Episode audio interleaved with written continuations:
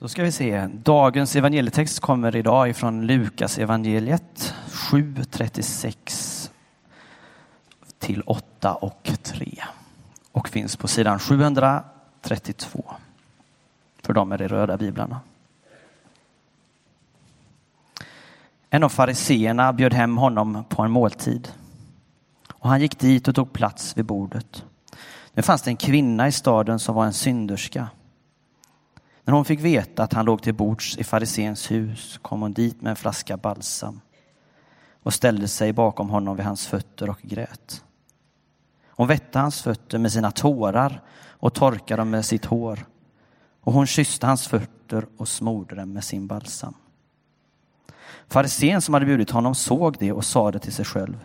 Om den mannen vore profet skulle han veta vad det var för sorts kvinna som rör vid honom. En synderska. Då sade Jesus till honom, Simon, jag har något att säga dig. Säg det mästare, sa han. Två män stod i skuld hos en penningutlånare. Den ene var skyldig 500 dinarer och den andra 50. När de inte kunde betala efterskänkte han skulden för dem båda. Vilken av dem kommer att älska honom mest? Simon svarade. Den som fick mest efterskänkt skulle jag tro. Du har rätt, sade Jesus. Och vänd mot kvinnan sade han till Simon. Du ser den här kvinnan. Jag kom in i ditt hus och du gav mig inte vatten till mina fötter. Men hon har vett mina fötter med sina tårar och torkat dem med sitt hår. Du gav mig ingen välkomstkyss, men hon har kysst mina fötter hela tiden sedan jag kom hit. Du smorde inte mitt huvud med olja, men hon har smort sin, mina fötter med balsam. Därför säger jag dig, hon har fått förlåtelse för sina många synder ty hon har visat stor kärlek. Och han sa det till henne, dina synder är förlåtna. Den andra vid bordet sa det då för sig själva, vem är han som till och med förlåter synder? Men Jesus sa det till kvinnan, din tro har hjälpt dig, gå i frid.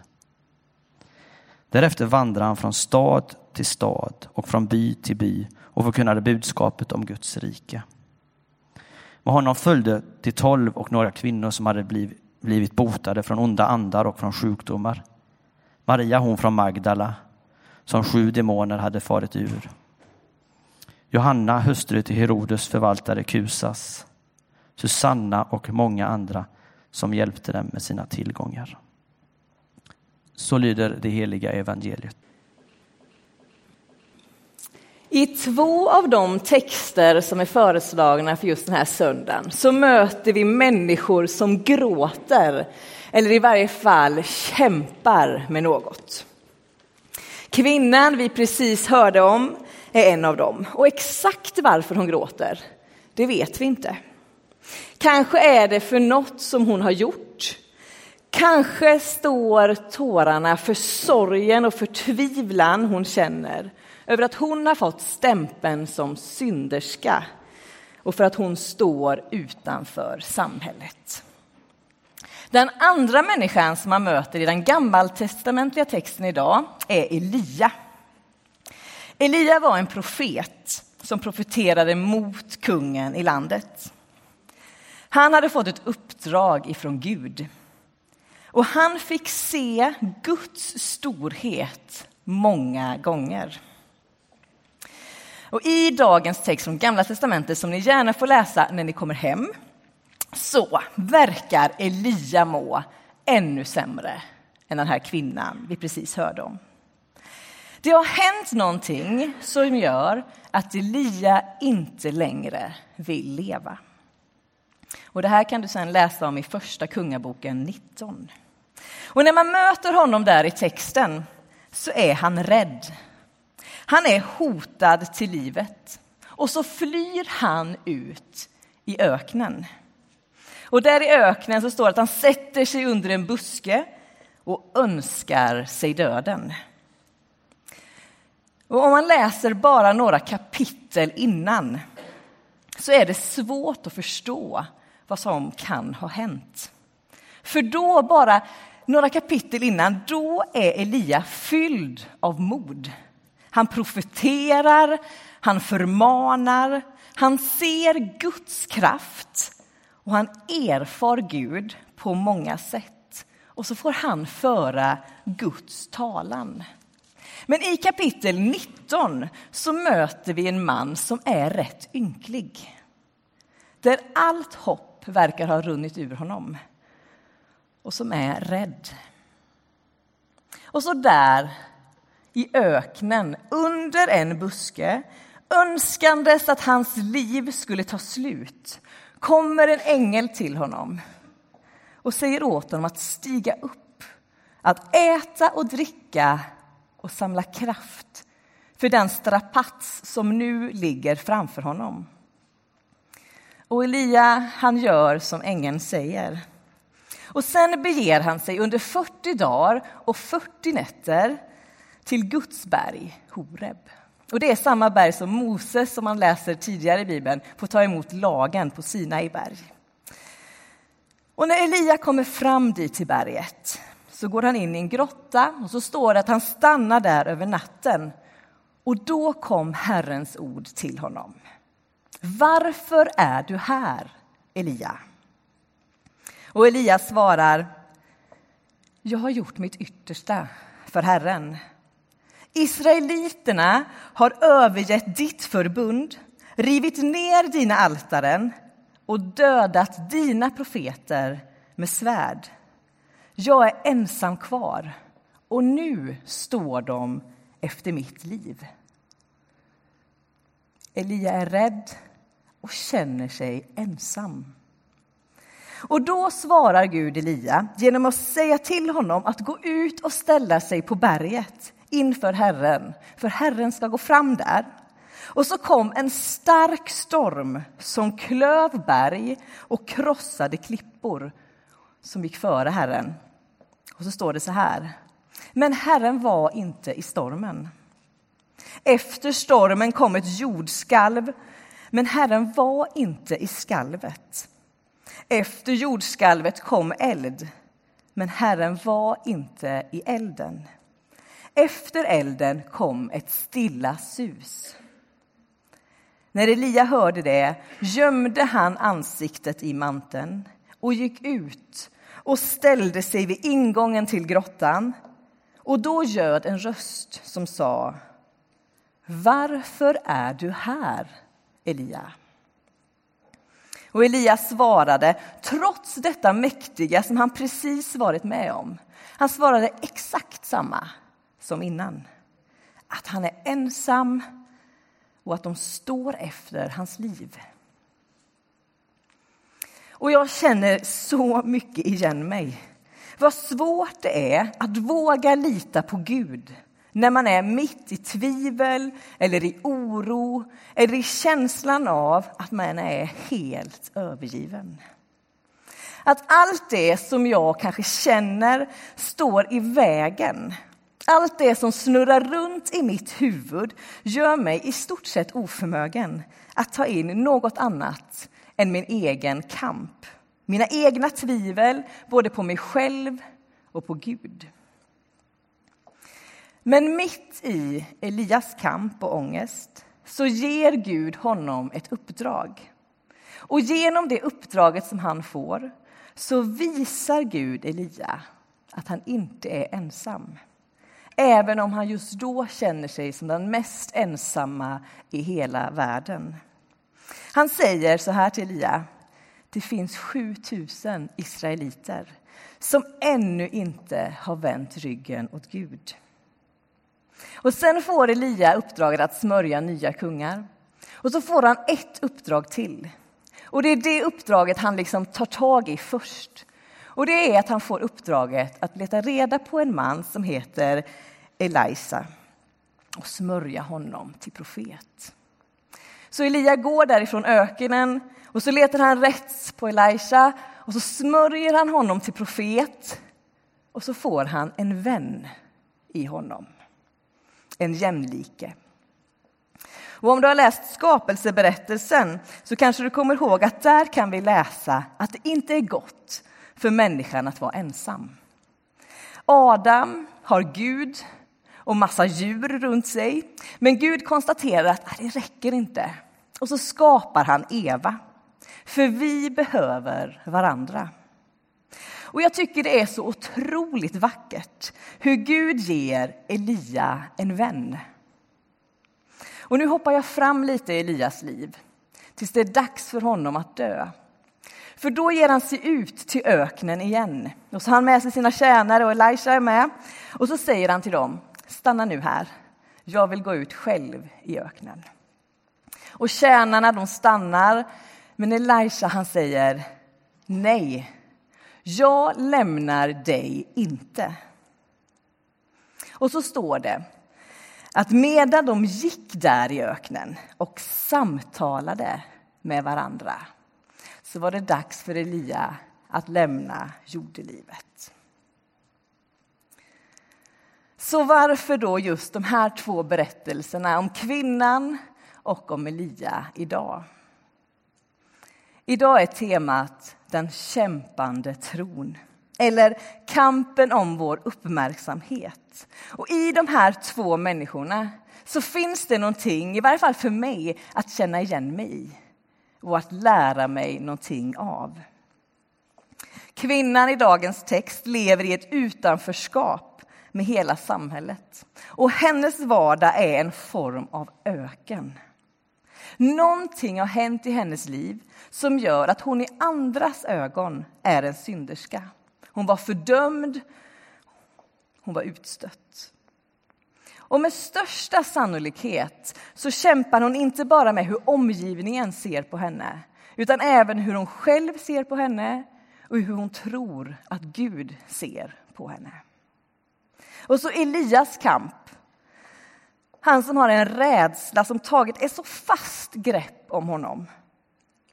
Rädslan står i vägen för allt. Den är paralyserande och hopplösheten i Elia är så tydlig.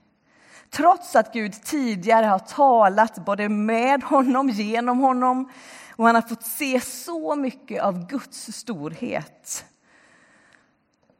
så är han där i öknen och hans tvivel är så starkt. Och det står i vägen för hela hans liv. Men i Elias möte med Gud i öknen så tycker jag att bilden av vem Gud är blir så starkt. För Gud ger inte upp om honom. För han frågar Elia igen varför han är där. Och när svaret fortfarande känns ganska sådär kämpigt och fyllt av både hopplöshet och tvivel så försöker Gud hitta ännu en väg för Elia. En väg vidare. Ett sätt att bryta hans uppgivenhet. Och så hjälper det honom ut ur ensamheten. Och jag tänker att det är en ganska så ihärdig och trofast Gud. Och den här kvinnan som möter Jesus, precis som Elia, blir hon sedd av Gud själv. Och i det mötet så blir hon befriad från sin känsla av att vara obetydlig och värdelös. Hon blir sedd av Gud och upprättad. Och jag kan inte låta bli att bli ganska imponerad av den här kvinnans mod. Hon trotsar alla människors blickar. Allt det hon vet att de tänker och tycker om henne och så fortsätter hon att söka sig fram till Jesus. Och hon visste ju egentligen inte hur Jesus skulle reagera. Han hade ju kunnat reagera ungefär likadant som de andra människorna och dömt ut henne eller ignorerat henne. Så jag tänker att det måste ha försiggått av en ganska så bra kamp i henne innan hon valde att gå. Hon trotsar det som synligt står i vägen. Människors blickar, kommentarer och åsikter. Och så söker hon sig vidare. Och så hos Jesus så får hon se vem och hur Gud verkligen är. Allt det där som hon hoppades på, att han var allt annat än vad människorna och samhället var. För hos Gud så blev hon sedd och älskad. Och en fråga till dig idag är, finns det någonting som står i vägen för att du ska söka dig fram till Jesus? Finns det någonting som står i vägen för din tro? Och den kämpande tron behöver inte bara handla om tron på Gud, utan även tron på mänskligheten och tron på sig själv. Vad kämpar du för kamp just nu? Och i den kampen, är du ensam? Eller kämpar du trons kamp tillsammans med någon annan? Och det är inte en oviktig fråga. Självklart behöver vi alla ibland vara ensamma. Men det är viktigt att inte gå vägen själv. Det är gott att precis som Elia ha en vän att samtala med. Att gå tillsammans med och som ibland säger nej, jag lämnar dig inte och går med, även där det är kämpigt. Och ni som brukar fira gudstjänst här i Saron har hört några söndagar. Först hörde ni att snart är det fasta och sen har ni hört nu är vi inne i fastan. Och det är vi. Just nu är vi inne i fastan och fastan är 40 dagar innan påsk. Och det är en möjlighet att stanna upp lite ifrån det som är vårt vanliga tempo och se vad det är som formar oss, vad som har vår uppmärksamhet och om det finns något som kanske står lite i vägen för vår tro. Och det finns ju ganska mycket, i varje fall för mig, som kan ta min uppmärksamhet och stå i vägen. Det kan finnas rädslor, andras åsikter om mig, mina egna hjärnspöken, att jag lätt fyller min almanacka med väldigt mycket utan att riktigt veta varför. Och det är så lätt att tappa bort det som är allra viktigast för oss. Det som hjälper oss att se vilka vi är. Inte i andras ögon, utan i Guds ögon och i mina egna. Elia är bokstavligen i öknen med sin ensamhet och sina rädslor. Kvinnan är utstött i någon form av social öken. Och om vi bara kort stannar upp och låter tankarna vandra iväg. Vad är din öken? Vad består den av? Kanske handlar det om något som har hänt eller inte hänt. Om destruktiva tankar, om någon relation eller om en tro som du inte riktigt tycker håller. I Bibeln kan vi läsa om hur Jesus förs ut i öknen och efter 40 dagar av fastande så kommer djävulen och frestar honom med olika erbjudanden som skulle göra hans liv så mycket enklare i det korta loppet. Och I den berättelsen finns ganska mycket att ta spjärn emot och känna igen sig i.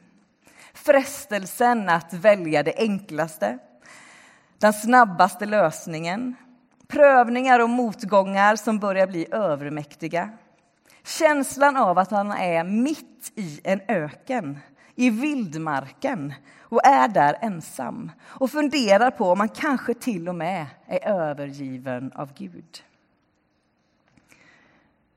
Hur gör du när livet fört dig till en plats som är full av prövningar, frestelser och kanske tvivel? Går det att finna Gud i öknen. Elia gör det.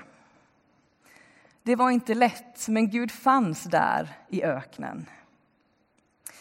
Och i fastan så stannar vi upp, även på söndagar i olika texter för olika prövningar och frågeställningar. Och det finns i fastan ett erbjudande om att påbörja eller fortsätta en resa som har att göra med att försöka få fatt i och höra Guds röst in i ditt liv. Det är en period att djupare försöka ana Guds vilja med ditt liv. Och under de här dagarna, som nu börjar bli knappa 40 dagar, försöka skapa utrymmen att finnas i det här sökandet, i resan och kanske ta upp kampen om din uppmärksamhet. Så vad är det som kanske står i vägen för din tro? Om vi tar utgångspunkt i de två texterna för idag så skulle det kunna vara att det som kanske står i vägen för min tro är min låga tilltro till mig själv. Rädslan för vad andra tänker och tycker om mig. Min ensamhet. Eller att min uppmärksamhet så lätt riktas åt så många olika håll. Och kanske finns det något som du skulle kunna ta bort. Kanske lever du med frågor som står i vägen för att kunna ta dig vidare. Och ett sätt att få hjälp att se det som står i vägen är att tillsammans med en annan människa som kanske har vandrat en liten bit längre i livet att tillsammans med en annan samtala om det som du brottas med. Fundera, be över allt det du bär på. Precis som jag ser framför mig att Elia fick göra med sin nyfunna vän. Och under fastan här i Saron så erbjuder vår församlings andliga vägledare den här typen av samtal. Så ta gärna emot den möjligheten. Se det som en gåva att få sitta ner med någon som bara är där för att hjälpa dig att lyssna in Gud. För precis som Elia så behöver vi kämpa både livets och trons kamp tillsammans med andra. För det är gott för oss människor att vara tillsammans. Precis som Elia fick en vän kan du få en vän som går tillsammans med dig ett litet stycke i din kamp, i dina frågor, i ditt sökande. Och om du skulle vilja testa detta nu under fastan så kontakta Daniel eller Ingrid som stod här framme nyss och berättade om böneveckan och säg att det här skulle jag vilja testa. Eller så mejlar du dem eh, när du kommer hem. Eh, adresserna finns på hemsidan. Kämpa inte trons kamp själv. När du känner att ingen annan förstår dig och ser dig för den du faktiskt är så finns Jesu blick där, precis som för kvinnan. Och den där blicken, det är det vi som församling också försöker gestalta när vi möts här på söndagar eller någon annan gång under veckan. En blick som vill försöka se dig för den du faktiskt är. Och om du tycker att Gud är lite svår att få fatt i kom ihåg att Elia upptäcker att Gud inte fanns i stormen utan i den där stilla susningen. Inte mindre verklig, men kanske lite svårare att få syn på. Och till sist, vilka människor har du runt dig som du skulle vilja gå ett stycke tillsammans med? Kanske kan du redan nu ta upp din telefon och så skickar du ett sms till den du nu tänker på och frågar Ska vi inte ta och ses i veckan? Ta en fika, en promenad eller ett telefonsamtal och prata om livet. De frågor som du bär på och kanske den kamp som du egentligen vill och behöver dela med en annan. Det händer något när vi är tillsammans. Och fastan, den varar inte för alltid. Det finns ett slut på den, och det är påsken. Då Gud gör allting nytt. Amen.